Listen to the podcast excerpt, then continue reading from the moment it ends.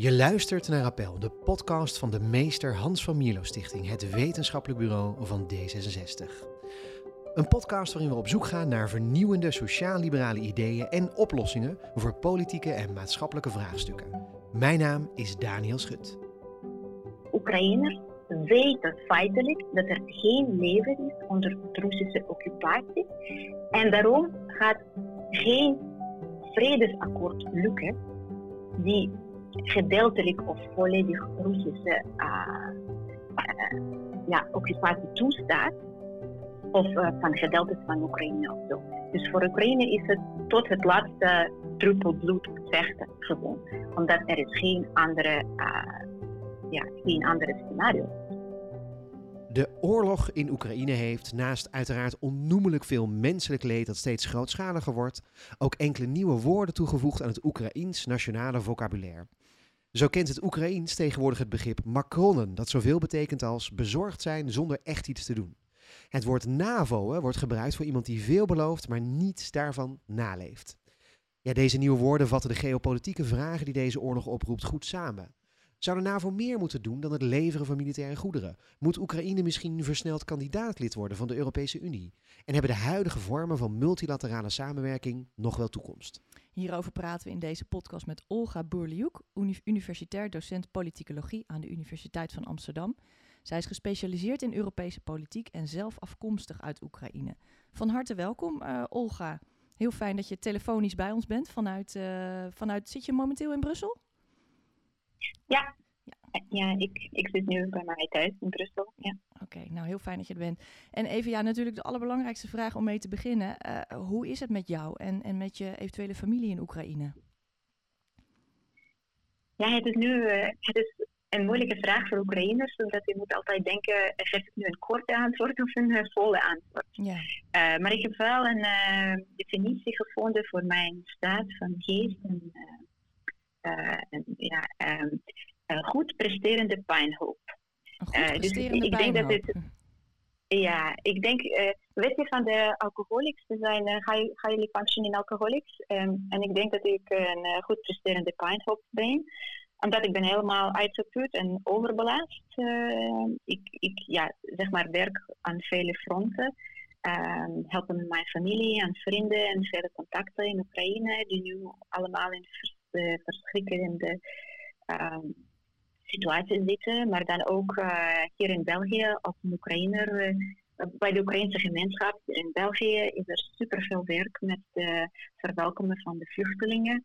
En uh, ja, het begint van, met gewoon vertalen bij de gemeente en bij de verwelkomstcentra en zo, maar dan ook met alles. Ehm, zeg maar een Oekraïnse bibliotheek opstarten, een Oekraïnse school opstarten, een Oekraïnse strooplijnen op starten en zo. Dus daar is ook veel werk. Maar ja, het meest belangrijke ben, ben ik ook gewoon dus een docent van ik, Europees extern beleid met, specifiek met Oekraïne, met Rusland, met post-Sovjetische landen. Dus voor mij is het ook precies mijn expertise en mijn, mijn werk.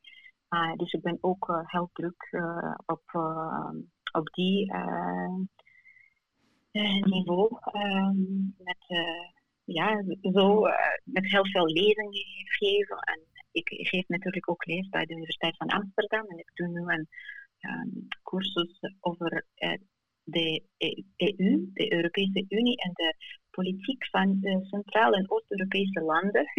dus dat is ook op een goede moment. Ja. Die cursus komt ook op een goede moment voor studenten. Die zijn allemaal gechoqueerd en bang en met veel interesse natuurlijk uh, kijken we uh, ernaar. Uh, dus ja, het is gewoon druk, druk, druk. En er is geen tijd om te reflecteren en ook om, ja, om, echt, om echt verwoest te zijn. Dus ik denk, ik ben een beetje in ontkenning. en het helpt dus dat ik in het buitenland zie. Dus ik hoor zelf geen luchtalarmen bijvoorbeeld ja, mijn, mijn moeder zegt, ze, ze hoort nu de alarmen de hele dag door, zelfs al zijn er geen alarmen. Uh, dus uh, ja, ze is gewoon, ja, haar, uh, haar hoofd stopt gewoon niet met die lawaai. Ik, ik heb dus die probleem niet. En daarom ben ik nu nog steeds goed presterende. En ik kan veel doen van wat ik kan doen. dus ja. Ja, in, in dat kader uh, is het misschien goed om te kijken naar. Uh, nou ja, je hebt dus heel veel kennis in huis over Oost-Europa-politiek en over, uh, over hoe dat in elkaar steekt. Ehm, ja, la, laten we dan maar verder gaan met het onderwerp eigenlijk. Want um, ja, dit is eigenlijk heel raar dat je je werk aan de ene kant en je privéleven aan de andere kant. Dus komt nu op een hele, ja, hele harde manier komt dat eigenlijk samen. Um, maar ja, dat is gewoon heftig inderdaad. Ja, nou inderdaad. ja. ja. Ja. Laten we dan in het onderwerp duiken, want je, je weet daar veel vanaf, dus uh, dat willen we ook graag allemaal horen. Dus uh, ja, we krijgen een beetje een gratis college Oost-Europa-politiek nu. Um, la, laten we beginnen met, met, met, die oorlog zelf. Hè. Dat is um, die oorlog zelf. Uh, ja. Nou ja, we zitten nu ondertussen in april um, en medio februari was het zo dat heel veel Europese defensie-experts uh, zeiden nee, dat gaat niet gebeuren. Ru Rusland gaat Oekraïne niet binnenvallen. Terwijl in Oost-Europa er eigenlijk al sinds de mhm. annexatie van de Krim in 2014, het neerhalen van MH17 werd gezegd, Poetin is in oorlog met mhm. Europa.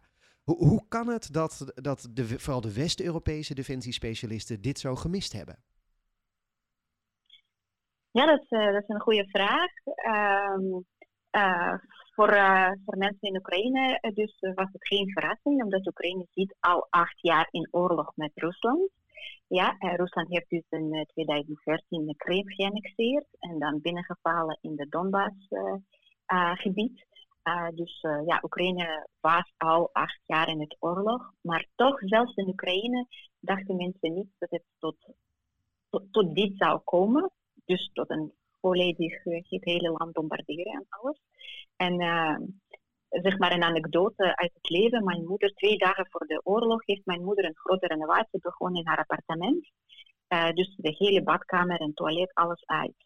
En zij stuurde mij een foto op maandagochtend. Zei, kijk, alles is uit. Eh, ik ben begonnen aan een groot project. En ik dacht, oei, uh, wat als de oorlog begint? Dat was geen goed idee, man. En dan drie dagen later uh, was het wel. En dus kwamen 15 mensen, familie uit andere steden naar onze stad gevlucht. En dus ja, het huis van mijn moeder kon niet gebruikt worden. Er was geen water, geen toilet, geen badkamer, geen van alles. Dus dat was een beetje haar persoonlijke drama. En wat moet ik nu? Moet ik nu mijn uh, koffer pakken om te vluchten? Of moet ik nu even snel tegels kopen uh, voordat uh, de supermarkten dichtgaan, zodat ik toch de renovatie kan afmaken? Jee, en wat, wat, heeft ze wat heeft ze gedaan? Even een zijsprong. Ze heeft de renovatie afgemaakt. Toch af kunnen maken. Ja, ja, ja. ja binnen drie weken toch alles afgemaakt. Okay. En, ja, en nu wonen dus uh, sommige leden van onze familie bij haar ja. in haar appartement. Maar, maar ja, over die surprise, um, ja, ik, ik denk dat aan de ene kant, uh, op het minst, is, um, is het uh, zo'n beetje een. Uh, ja, dus het laat gewoon zien dat de analisten in het Westen niet echt naar de situatie, naar de situatie keken um, en niet echt, of niet echt begrepen wat er gebeurde. Omdat wat Rusland nu in Oekraïne doet, is dus geen uh, verrassing. Uh, Rusland heeft uh, bij Rusland begonnen in de jaren 90 met Tsjetsjenië, Dagestan, Tatarstan, mm -hmm. Noord-Ossetië en alle republieken binnen de Russische federatie. Het is dus een federatie. En veel van de Russische republieken wilden ook onafhankelijk worden na, de Sovjet, na de collapse van de Sovjet-Unie. En dat was met veel geweld en veel macht uh, gewoon gestopt door Rusland. En, uh, en toen was er dus een aanval aan Georgië in 2008. En toen was, het, uh, was er een aanval aan Oekraïne in 2014. En toen was er een noem, naam Rusland deel aan de oorlog in Syrië. en dus ja, dat was als iemand zeg maar een specialist in Rusland was en uh, Rusland haar activiteiten opvolgde, dan, volgde, dat was het uh, geen verrassing. dus Als iemand een specialist. Ja, gewoon, uh, ja, gewoon niet goed opgelet. Um, en zeg maar, ik, ik, ik ben een beetje, het is een, een, beetje van een trigger aan mij. Als iemand zegt, oh, niemand kon het voorzien, Poetin is gewoon overnacht gek geworden. En ik zeg maar, wacht even. Er was 20 jaar uh, autoritarisme, uh, 5 tot 10 jaar dicta dictatuur. Ja, ze hebben dit allemaal overal gedaan wat zij wilden en niemand stopte. En omdat niemand Rusland stopte of echt reageerde, was Rusland gewoon een grotere en grotere stukken afpakken. Is het... Dus ja, ja? Nou, ik voel, is het ook niet, is het, is het misschien ook niet zo dat we, dat we het, dat hè, Europese uh, experts het gewoon ook niet wilden zien? Hè, hè, oorlog in Europa, dat was natuurlijk zo ondenkbaar eigenlijk. En, en uh, ja, ja, Is, het, is dat het ook niet geweest? Van, we wilden het niet aan, we wilden het niet zien en probeerden dat toch op een bepaalde manier ja. zelf gerust te stellen van nee, zover gaat het niet komen. Ja, uh, het ene is zeker niet, niet willen zien wat er gebeurt, omdat je echt niet wil geloven dat dat gebeurt en kan gebeuren en kan nog slechter worden. Um, de andere is uh, niet echt willen kijken. En daar komt een beetje dus het westerse superioriteit, superioriteit.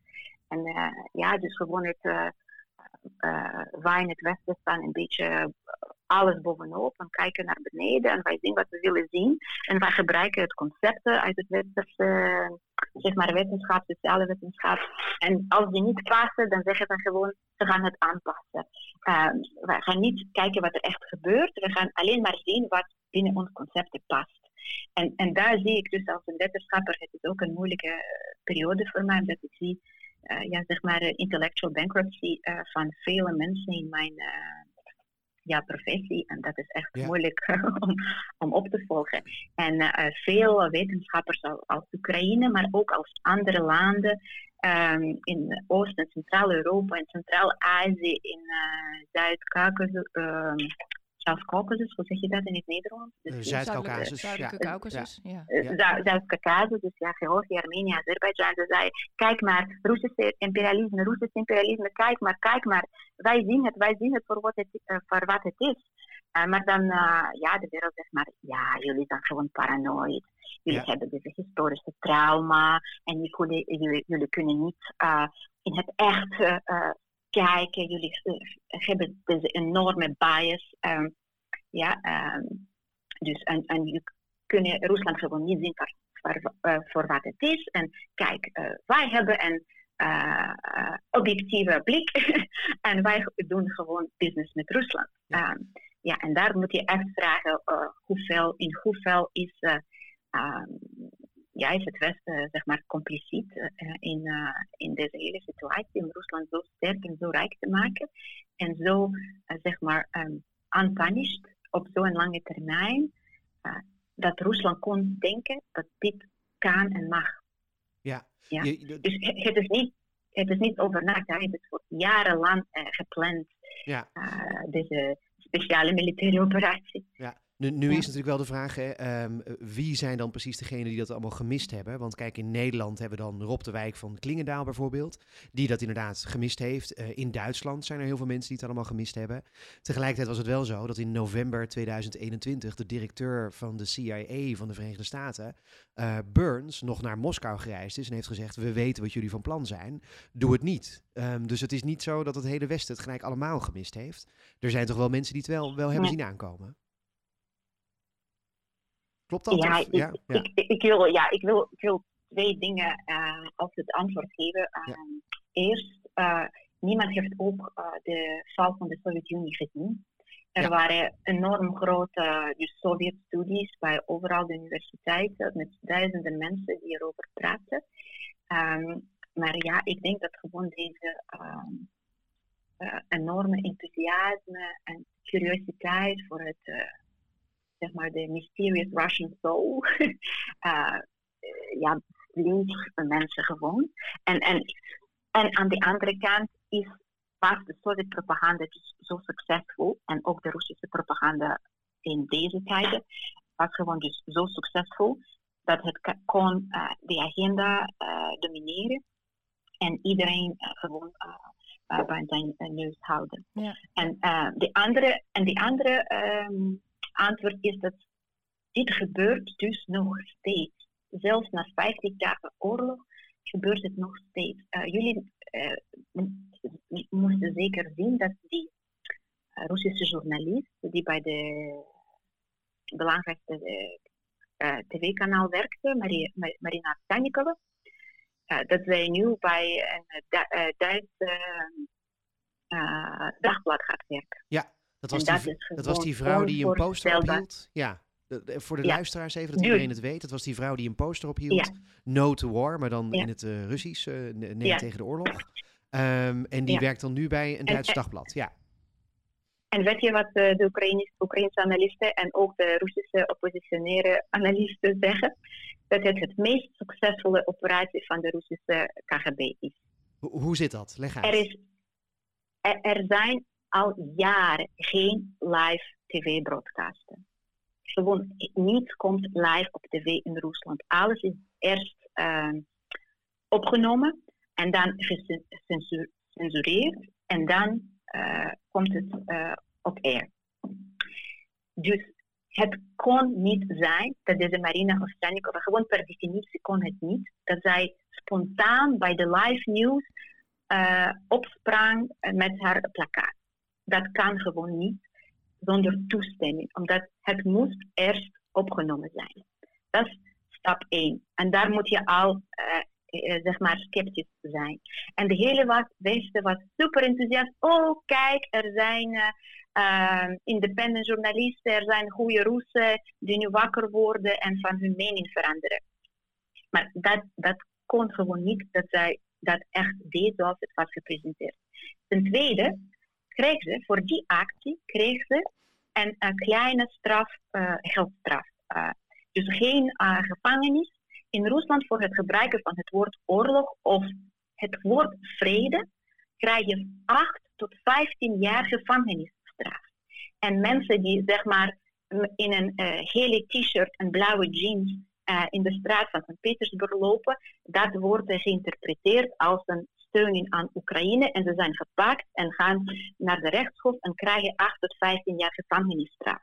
En zeg maar dus, zouden we geloven voor een momentje dat die vrouw, dat dus Marina Avsanikova dat echt heeft gedaan, gewoon op de nationale uh, nieuws uh, uitgesproken met nee tegen oorlog plakkaat, dat ze krijgt uh, zeg maar 100 euro geldstraf.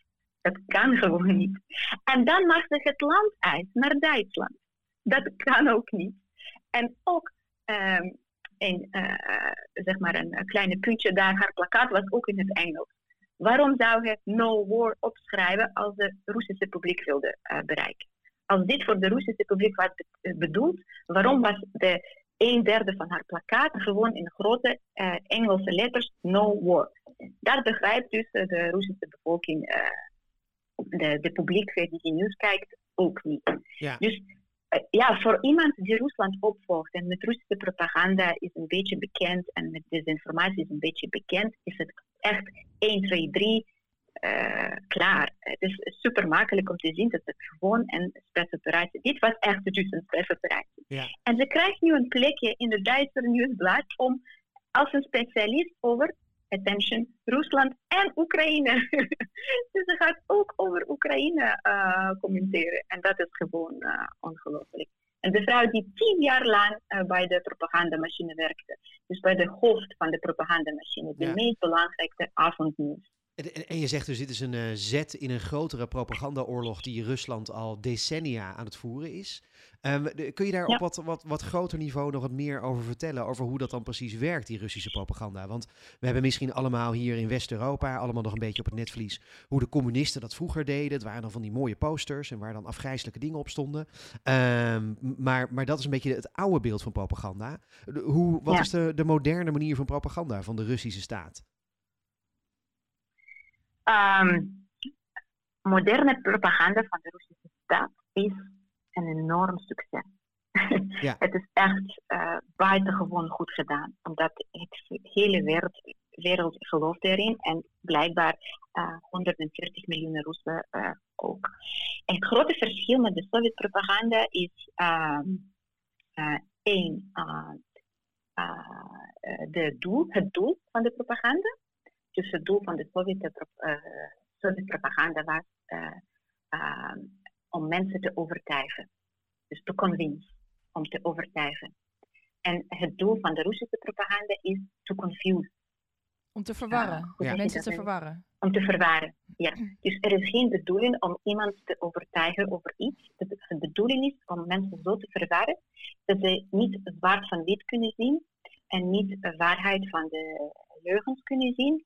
En dat zij of interesse verliezen of gewoon uh, uh, zeg maar withdraw van de politiek uh, helemaal. En proberen gewoon dat ze afhaken. Eigen, ja. ja. afraken en gewoon hun eigen kleine leven proberen te leven. En hoe, hoe doen ze of dat? Of ze gewoon zo druk bezig zijn. hoe doen ze dat? Ja, dan? dat die, verwar die verwarring zaaien. Kan je daar, heb je daar een, een concreet voorbeeld van? Ja, een goede voorbeeld voor het Nederlandse publiek. De shooting van de MH17. Dus de vliegtuig vol Nederlandse mensen. En daar kwam, uh, dus er kwam een grote vliegtuig uit het lucht. En binnen een half uur waren zij tien versus wat er gebeurde. Dat was de separatisten. Ze probeerden een Oekraïnse vliegtuig, militaire vliegtuig te schieten, uit het lucht te schieten. Het was de Oekraïnse leger die het uh, Russische vliegtuig probeerde uit het lucht te uh, schieten. Het was uh, de Oekraïnse leger die Russische, een vliegtuig van de Russische president die uit Warschau naar Moskou vliegt. En je moet echt goed naar het map, naar het kaart kijken. de route naar, van Warschau naar Moskou gaat echt niet om het oosten van Oekraïne, omdat het gaat door Belarus, dus honderden kilometer ten noorden. Uh, en gewoon binnen, zeg maar, binnen 30 minuten gewoon tien versies van wat er gebeurd is. Um, nou, fast, fast forward tot nu toe. Uh, Bucha, ja, we hebben allemaal uh, één week geleden de verschrikkelijke uh, imago's gezien uit wat er allemaal in uh, Bucha gebeurde, in een, um, een nabijstadje van Kiev, ja. in Rusland. Wij waren er niet, Russische leger was er niet. Tweede, er was niets gebeurd voor Russische leger wegging. Het was allemaal door Oekraïnse leger gedaan. de derde, er, er was echt niet, uh, niks gebeurd. Het is gewoon fake news uh, die Oekraïnse propaganda heeft opgemaakt. En je moet echt begrijpen dat in Oekraïne er is enorm diversiteit aan de, in de mediascène. Er is echt geen kans op propaganda. Zelfs als de Oekraïnse regering zou willen iets als een propaganda te proberen, dat zou niet lukken. Het kan gewoon niet. Um, en um, dus, dus ja, binnen de. dus ze gaan alles uh, ontkennen en alternatieve versies voorstellen. Uh, het is niet gebeurd, het is gebeurd maar door iemand anders gedaan. Het is gebeurd maar op een kleinere schaal. Het is gebeurd maar ergens anders en we waren er niet. Het is helemaal niet gebeurd. dat was allemaal gewoon door IT-specialisten op de computer uit Photoshop gemaakt en, en zo en zo voort. Ja. En, en, en, en daar als een, ja, als, als een specialist, dus als je een wetenschapper bent of een media-analyst of een politici, dan moet je, moet je proberen te begrijpen om je mening te vormen. En dan ga je dus heel veel tijd uh, verliezen om die alle versies uh, uh, te zien voor wat ze zijn. Ja, wat de waarheid is en wat niet. Maar als je bent een, een deel van het gewone publiek bent, die gewoon een klein beetje interesse heeft, dan ga je uh, niet uh, erin springen en je hele tijd uh, door, doorbrengen, zeg je, spenderen om, om dit te proberen te begrijpen. En dan zeg je van, oh, I don't care. En, en, en, zo werkt het dus, dus dat is het. Ja. Je, je zegt dus eigenlijk inderdaad van dat, dat is de manier waarop die propaganda werkt door, door mensen te verwarren. Um, er zijn zoveel, er is zoveel fake news eigenlijk en zoveel valse claims en incorrecte claims, dat zelfs een expert niet meer weet waar ze moeten beginnen met alles weerleggen. En dat een doorsnee burger die gewoon de krant leest denkt, het zal allemaal wel. Ja, en, en daardoor domineert je de agenda. Ja. Omdat jij beslist wat iedereen over praat. Ja. En ook, ik, ik was vergeten om te, te zeggen, maar uh, die gebeurtenis met Marina Stannikova op de Russische tv, het kwam uit op de dagen dat er een enorme humanitarische crisis in Mariupol was. En het Oekraïense regering probeerde aandacht te krijgen naar wat er in Mariupol allemaal gebeurt. Mariupol is dus een stad, een havenstad van 500.000 mensen. En daar blijven nog steeds voor de uh, siege, hoe voor de, als het stadje helemaal omgecirkeld is. Ja. ja, je kan niet in of uit. daar bleven nog steeds 300.000 mensen. En zij zeggen nu dat het minstens 25.000 mensen zijn om het leven gekomen. Maar wij weten nog niet hoeveel precies. En toen was het dus een grote drama in Mariupol, was dit gebeurd. En de hele media-aandacht en de sociale media-aandacht en iedereen zijn aandacht ging naar bespreken, uh, was dit echt of niet echt? Wie is Marina Stanikova? Moeten wij dit geloven of niet geloven? Uh, bla bla bla. Ja. Maar wat ik ook wilde zeggen uh, over de propaganda en hoe het anders is in de Rusland dan in de Sovjet-Unie, is de, het gebruik van technologie. En die bestond dus niet. Ja? De Sovjet-Unie had gewoon tv en radio en dat was het. En ja, oké, okay, de uh, geprinte nieuwsbladen en zo. Maar nu met internet, dat stopt gewoon overal dat je kijkt. Uh, ja, uh, en um, ja, de Nederlanders, Nederlanders moeten ook begrijpen wat een enorm grote machine het is. De propaganda is niet zo dat er zitten vijf mensen bij de Kremlin die beslissen wat er in de nieuws komt. Er zijn tientallen duizenden mensen die uh, eraan werken. Er zijn ook reportages gelekt over, zeg maar, bootfarms, noemen ze dat. Dus mensen die ja. Uh, buiten, zeg maar, buiten Sint-Petersburg is een klein stadje waar 10.000 mensen, dat is hun dus voltijdse werk. Ze zitten gewoon achter een computer met, zeg maar, 100 fake Twitter-accounts elk. En ze doen gewoon Twitter-discussie te storen. Dat is gewoon hun werk. tweet, Twitter, Twitter bots. Dus die, uh, dus die fake, ja, fake, fake accounts uh, op, op internet. Okay. En de Russia Today bijvoorbeeld, dus de Russische uh, mediakanaal die in vele landen, in tientallen landen, in tientallen uh, talen uh, is uh, uitgezonden, die heeft grotere budget dan BBC. Ja. ja. Dus jullie moeten gebruiken, dat is niet zoiets dat ook een beetje is gedaan. Het is echt het begin van de, uh, ja. Ja. Uh, van de, van de machine. En, uh, ja. ja. dus, en, en Olga, een vraag hierover. Is die, die, die enorme propagandamachine en hoe dat, hoe dat werkt, heeft dat er ook mee te maken dat één man, Poetin, nu zo zonder tegenspraak twee landen in oorlog kan storten? Maakt die propaganda, heeft hij daar eigenlijk de weg voor vrijgemaakt? Ja, zeker weten. Ja, natuurlijk. Uh, die propaganda was gewoon het begin. En uh, uh, zeg maar, Rusland wilde altijd Oekraïne in haar controle hebben.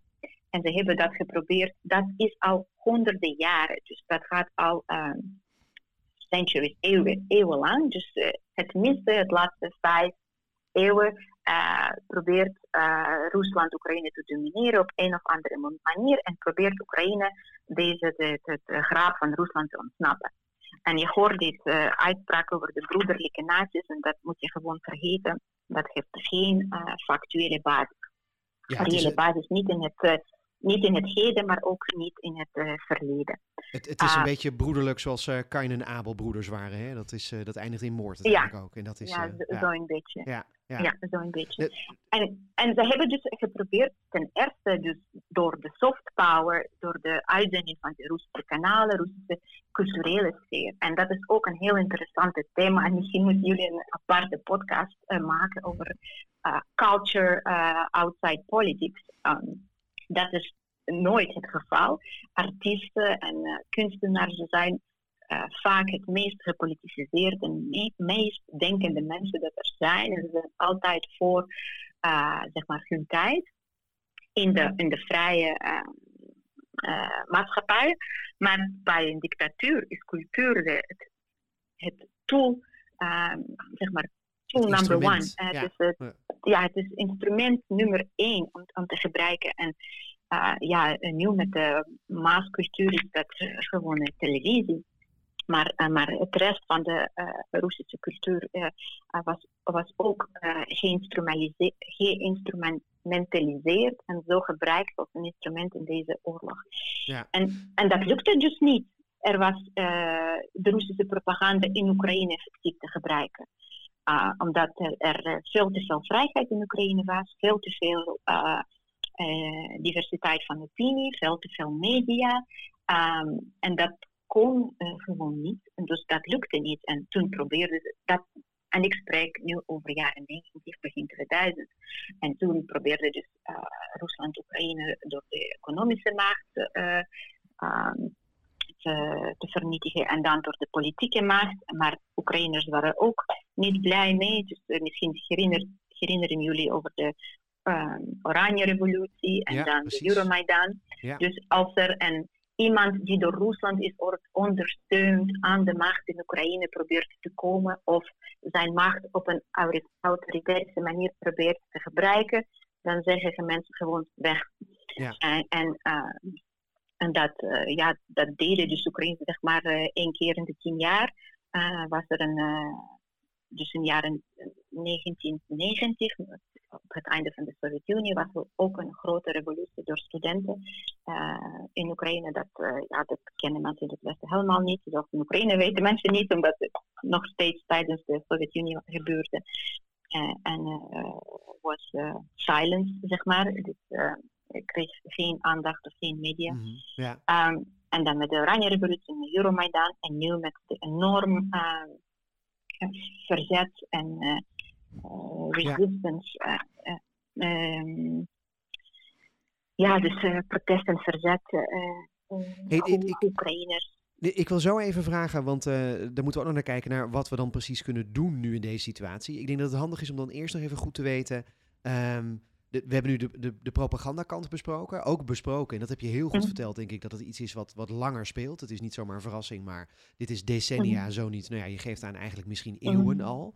Um, laatste vraag misschien over de situatie nu. Uh, ja, Poetin lijkt zich dus nu teruggetrokken te hebben rondom Kiev. Um, en de oorlog lijkt zich nu te uh, concentreren rondom de Donbass-regio. Um, wat wil Poetin nu nog? Wat, wat wil hij nog bereiken? Wat, wat is voor hem een optie nog? Uh, als je, uh, als je uh, goed volgt wat Poetin heeft gezegd, wat mensen rond Poetin hebben gezegd, wat Russische media zegt, ze zeggen altijd een aantal dagen op voorraad wat er gaat gebeuren. Dus je moet altijd dus de, zo alarmbelletjes horen. Eh, in Oekraïne geloven, gelooft de regering, maar ook de mensen helemaal niet dat Rusland is weggetrokken en dat er nu iets klein, op een kleinere schaal gaat gebeuren. Nee. Het is gewoon een uh, tactische regroeping. Uh,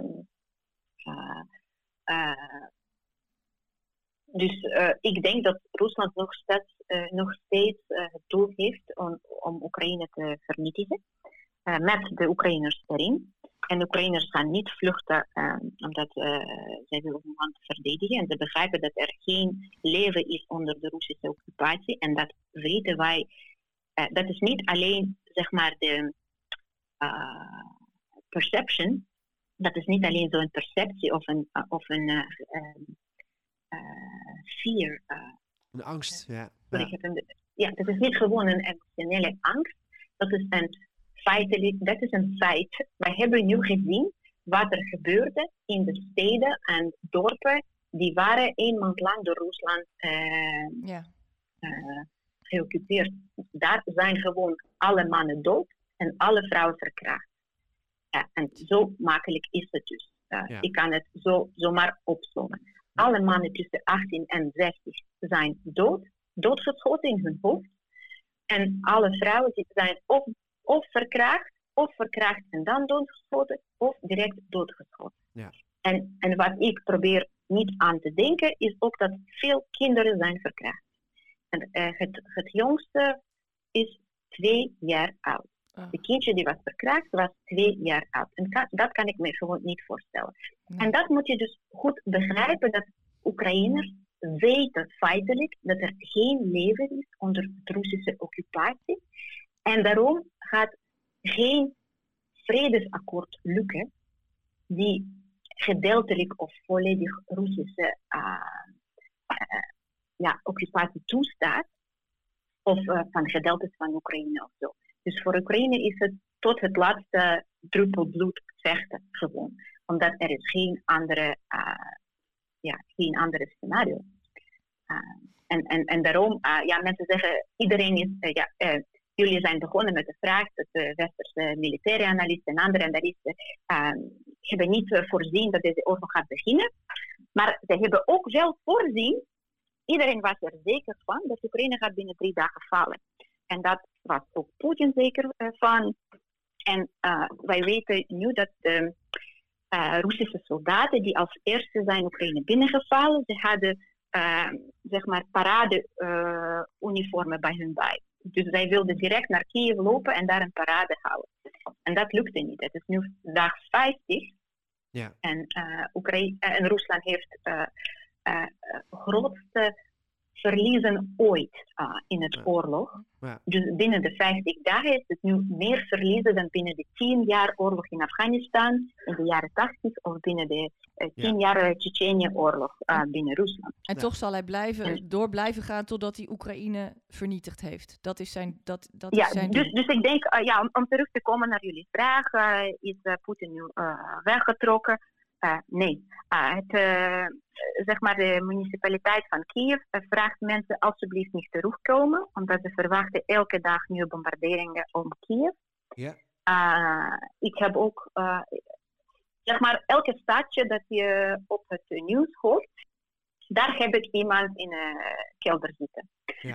ik, dus ik ken ook mensen die in kelder in Chernihiv zitten en in kelder in Sumy zitten. Dat zijn uh, dus de provinciale hoofdsteden uh, vlakbij de, uh, grens met Belarus en Rusland.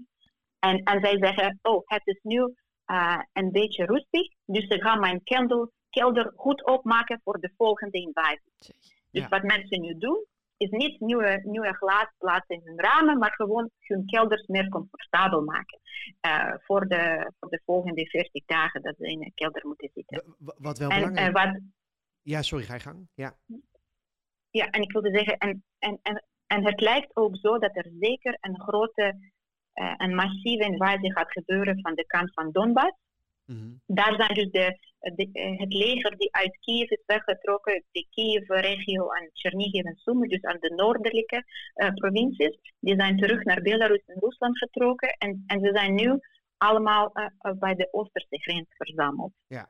Dus ja. de, het, uh, het begrip is dat ze gaan met een enorm grote uh, aanval naar de baas gaan. En dat moest al gebeuren, maar het weer is slecht. Het is enorm koud voor het seizoen en er is veel te veel regen. Dus ze kunnen gewoon niet met de tanks in. Dus ja. ze staan nu te, te, wachten aan de Russische kant van de grens. Uh, en ja, dat is, ik ben geen militaire strategist, maar ik denk dat het uh, in het voorraad van Oekraïne is, omdat Oekraïne krijgt uh, dus extra dagen om te voorbereiden. Mm. En, uh, en de Russische leger heeft extra dagen om moreel te verliezen. De, je, geeft, je geeft aan, je bent geen militair stratege.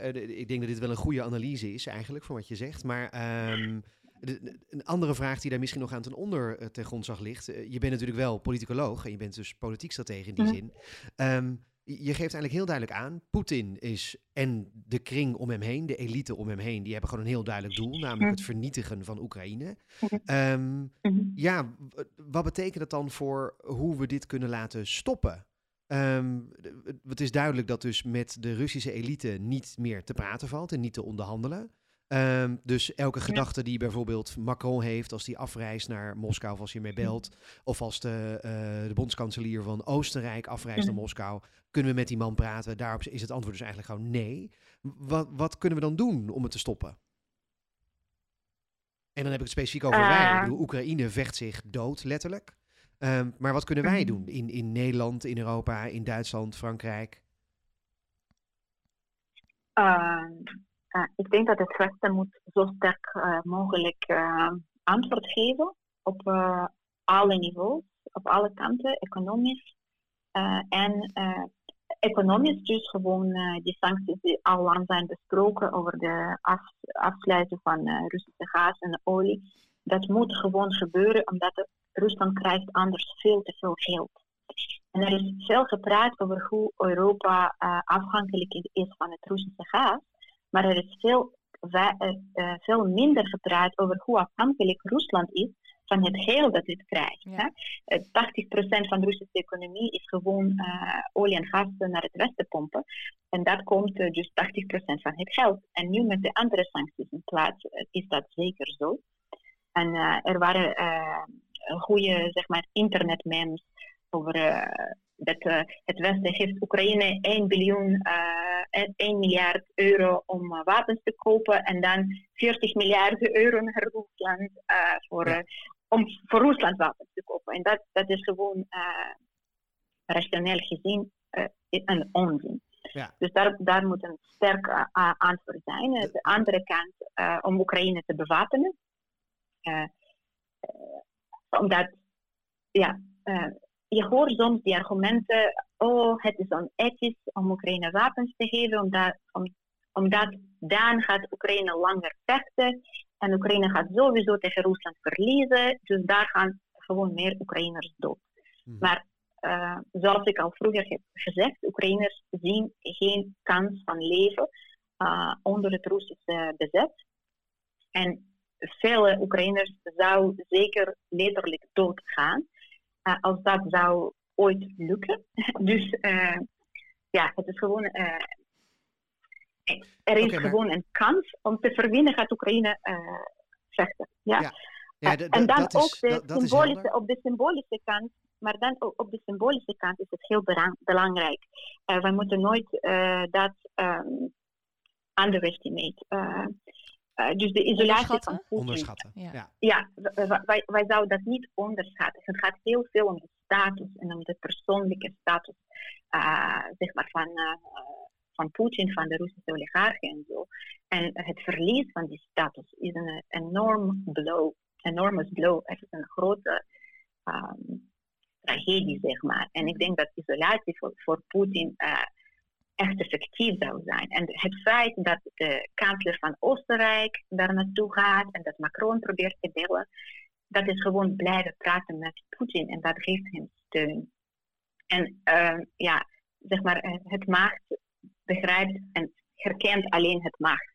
Ja. Uh, en de, in de, dat is ook al feitelijk bewezen, historisch bewezen, dat als Rusland geen tegenstand krijgt, gaat het niet stoppen, maar gaat het verder gaan. Ja. En, um, nu zijn er natuurlijk mensen in het Westen ook. Hè, de, aan de ene kant is de vraag: kun je praten met Poetin en zijn kliek? En het antwoord daarop, nou ja, dat geef je duidelijk aan, dat is nee. Um, aan de andere kant, op het moment dat we nu uh, nog veel verder zouden gaan in sancties. en ook veel meer wapensteun zouden geven aan Oekraïne. zijn er heel veel mensen in het Westen bang dat dat ertoe gaat leiden dat Poetin uh, kernwapens gaat inzetten. Wat is je reactie daarop? Uh, ik denk dat. Uh, ja, er er is wat Ten eerste wil ik herinneren aan het Westen dat het Westen ook kernwapens heeft. Dat is ten eerste. het tweede punt dat ik wil maken is aan iedereen te herinneren of te laten weten, omdat het echt uh, ongeweten feit is in het Westen, dat Oekraïne ook een nucleaire land was. Uh, eigenlijk uh, na het uh, val van de Sovjet-Unie was Oekraïne derde nucleaire macht van de wereld. Ja, dus naar de Verenigde Staten en Rusland, dat is Oekraïne nummer drie. Ja.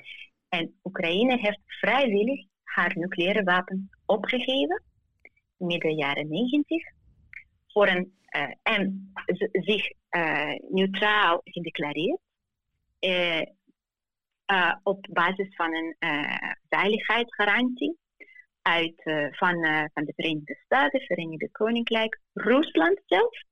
En ook in een kleinere manier, kleinere niveau van Frankrijk en ja.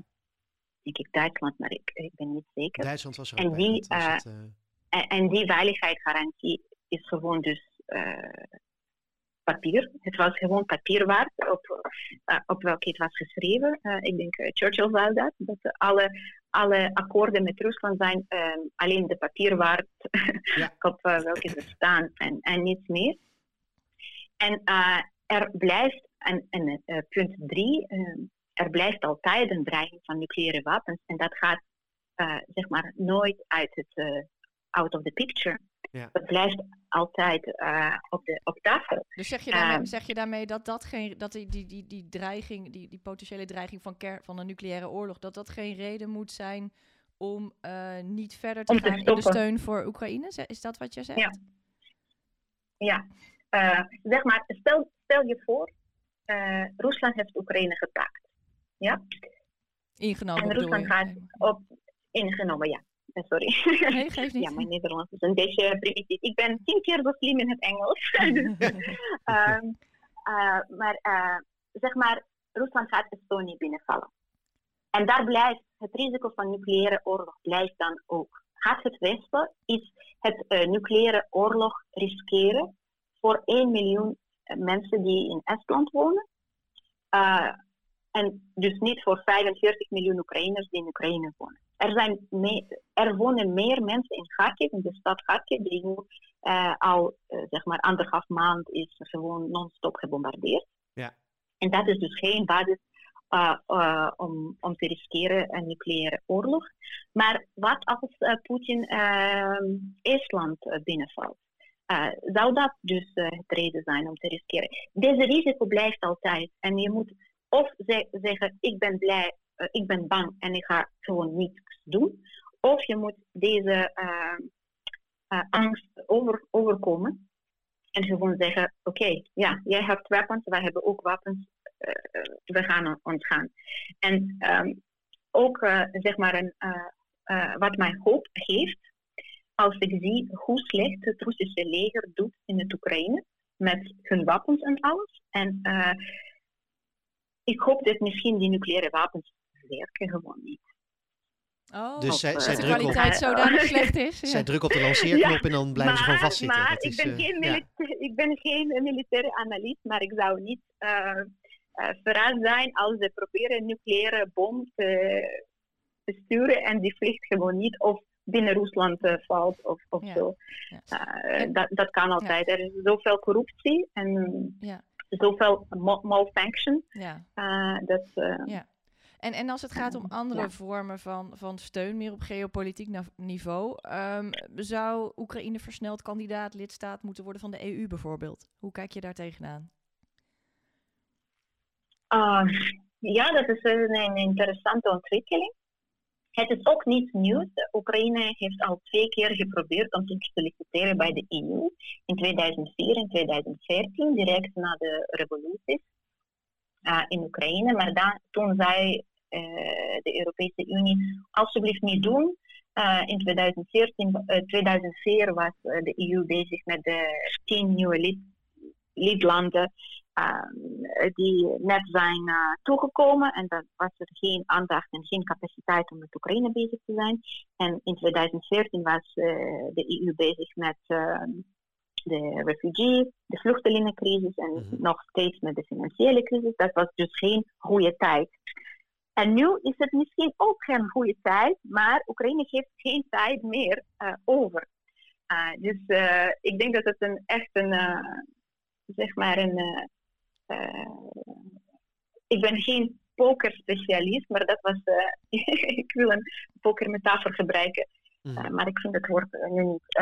dus deze move van het Oekraïnse regering was gewoon een top move. Ja. Zeg maar.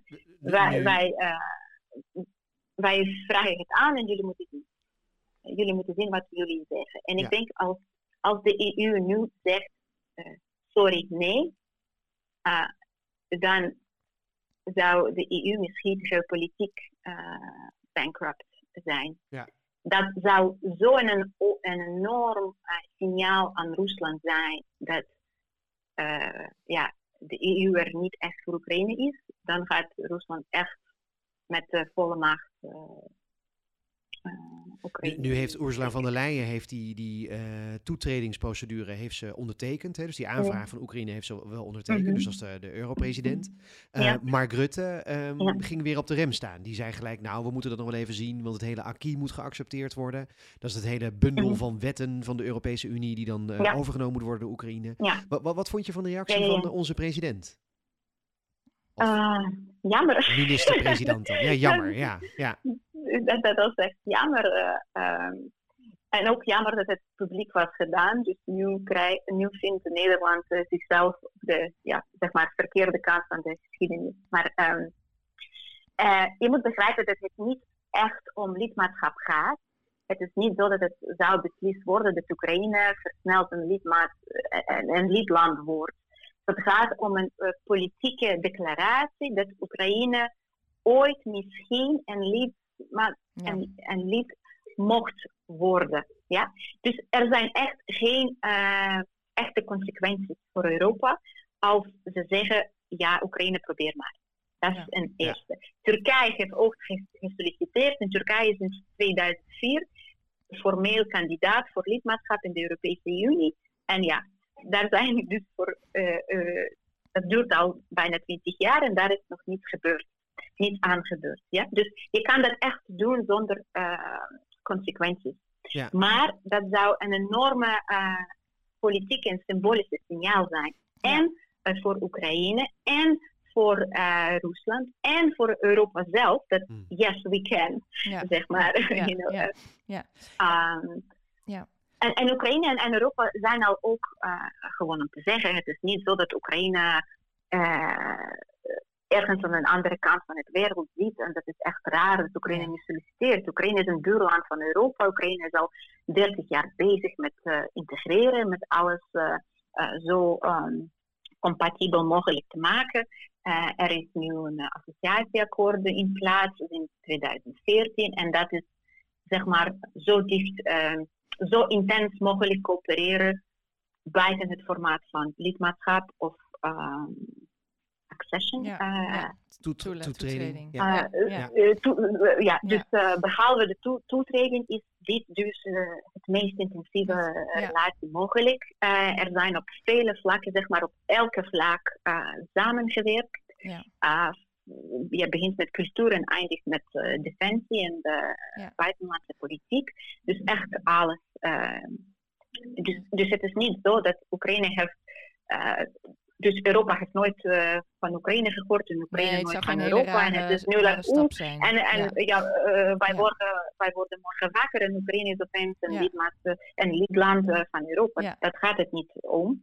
Um, Olga, wat ik je nog dus heel graag, wat ik je heel graag ook nog wil vragen. Je zei laatst, ik heb een interview met je gekeken voor de Belgische zender VRT.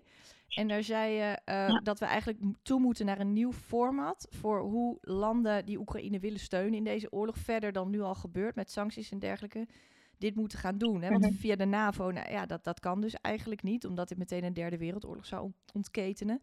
Dus we moeten iets anders mhm. bedenken. Hoe zou zo'n nieuw model eruit moeten zien volgens jou?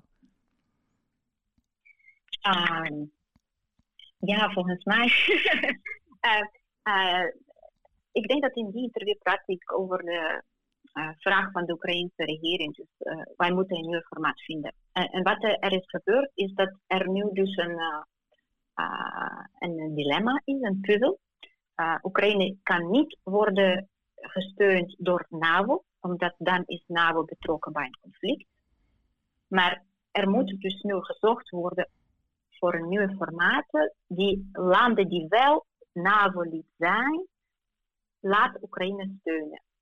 Zeg maar, zodat zeg maar, als Polen Oekraïne wil steunen, dat Polen mag dat doen, zonder dat NAVO direct uh, betrokken is. En dat is dus het uh, uh, bureaucratische puzzel, de politieke puzzel. Hoe kunnen, kunnen wij dat doen zonder NAVO toe te, toetrekken? Maar dat is wel ingewikkeld, want als je als NAVO zegt... Ja we staan Polen toe als NAVO-lid om de oorlog te verklaren aan Rusland en daarmee dus Oekraïne te steunen. Um, zonder dat het leidt tot oorlog met de NAVO in zijn geheel. Dan haal je eigenlijk de basis van het hele idee van de NAVO haal je eruit. Dat het, uh, dat het een defensieve veiligheidsorganisatie is. Ja, um, ja. en, ja. Ja, en, de, en dan heb je een probleem van, uh, een probleem van vele kanten.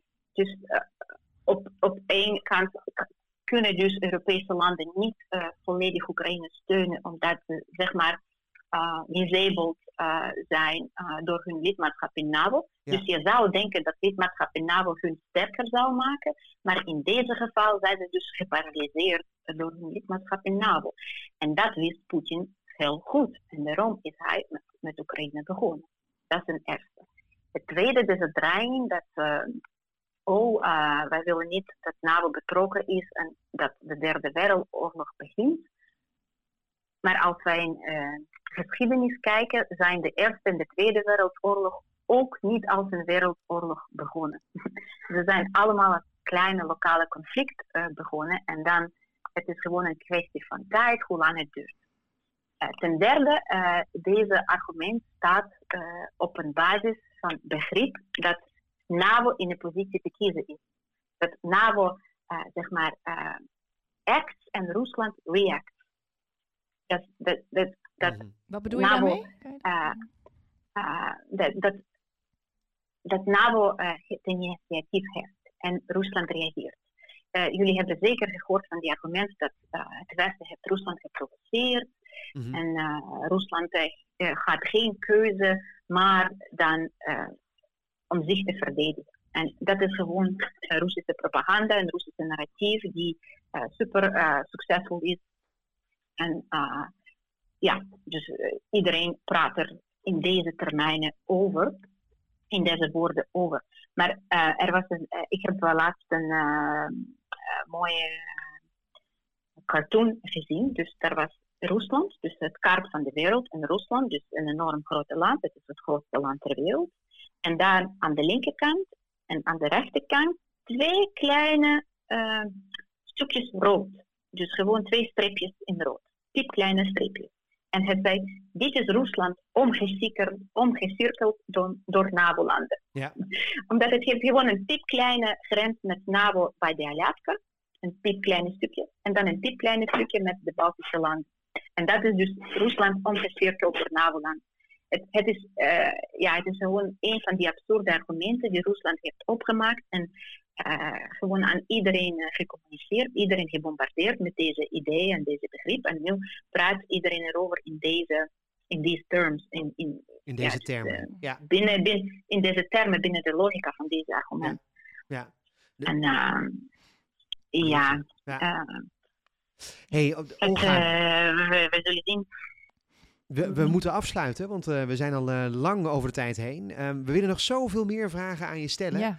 Uh, dus misschien moet je maar voor de volgende maken. keer nog ja, uh, uitnodigen. Ja. Um, we, we, eindigen altijd wel af, eindigen altijd met één vaste slotvraag. Dat was: stel dat je nu minister van Buitenlandse Zaken was. Dus dan, ja, dan was je de vervanger van Wopke Hoekstra geweest.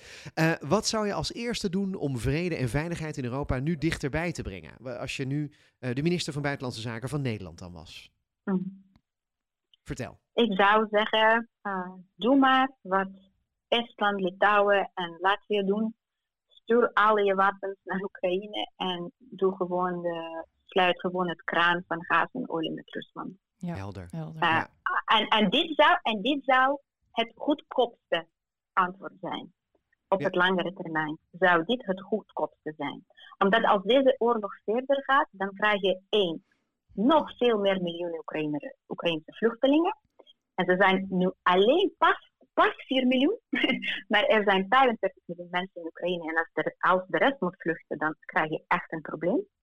En die vluchtelingen zitten nu nog steeds, eh, nog steeds in Polen en andere buurlanden, Hongarije, Slowakije. Maar ze, ze gaan langzaam naar het westen verplaatsen. Omdat er is gewoon geen plek voor mhm. iedereen uh, in die landen. En dat zal uh, echt uh, veel geld kosten voor Nederland en andere landen. En als uh, Rusland succesvol in Oekraïne is, dan gaat het niet in Oekraïne stoppen. En dan, dus als, je, als je nu kiest voor het argument, ik ben bang, ik heb angst, ik wil geen nucleaire oorlog riskeren en ik wil geen economische recessie hebben, dan moet je begrijpen dat het op een langere termijn dus jou helemaal paralyseert. Eh, dan wat, wat, wat Rusland dan ook doet, kan jij dus niet reageren. Omdat die risico's blijven daar altijd te blijven staan en ze worden alleen hoger. En dan, ja, dan kan Rusland dus gewoon iedereen blackmailen. Ja. Ja. Uh, met, uh, met, uh, met ja. dit argument. Dankjewel, uh, Olga. Ja, we moeten helaas afsluiten inderdaad. Maar we zouden nog wel een uur met je verder kunnen praten. Dus wie weet, uh, in ieder geval heel veel dank dat je vandaag bij ons te gast wilde zijn. Uh, en jij luisteraar, bedankt dat je luisterde. Vergeet niet je te abonneren op deze podcast als je dat nog niet hebt gedaan. Over twee weken zijn we er weer. En dan spreken we met Afke Groen, hoofdredacteur van ons tijdschrift ID. En Joris Gijzenberg van de Radboud Universiteit over de toekomst van de politieke partij. Heel graag tot dan.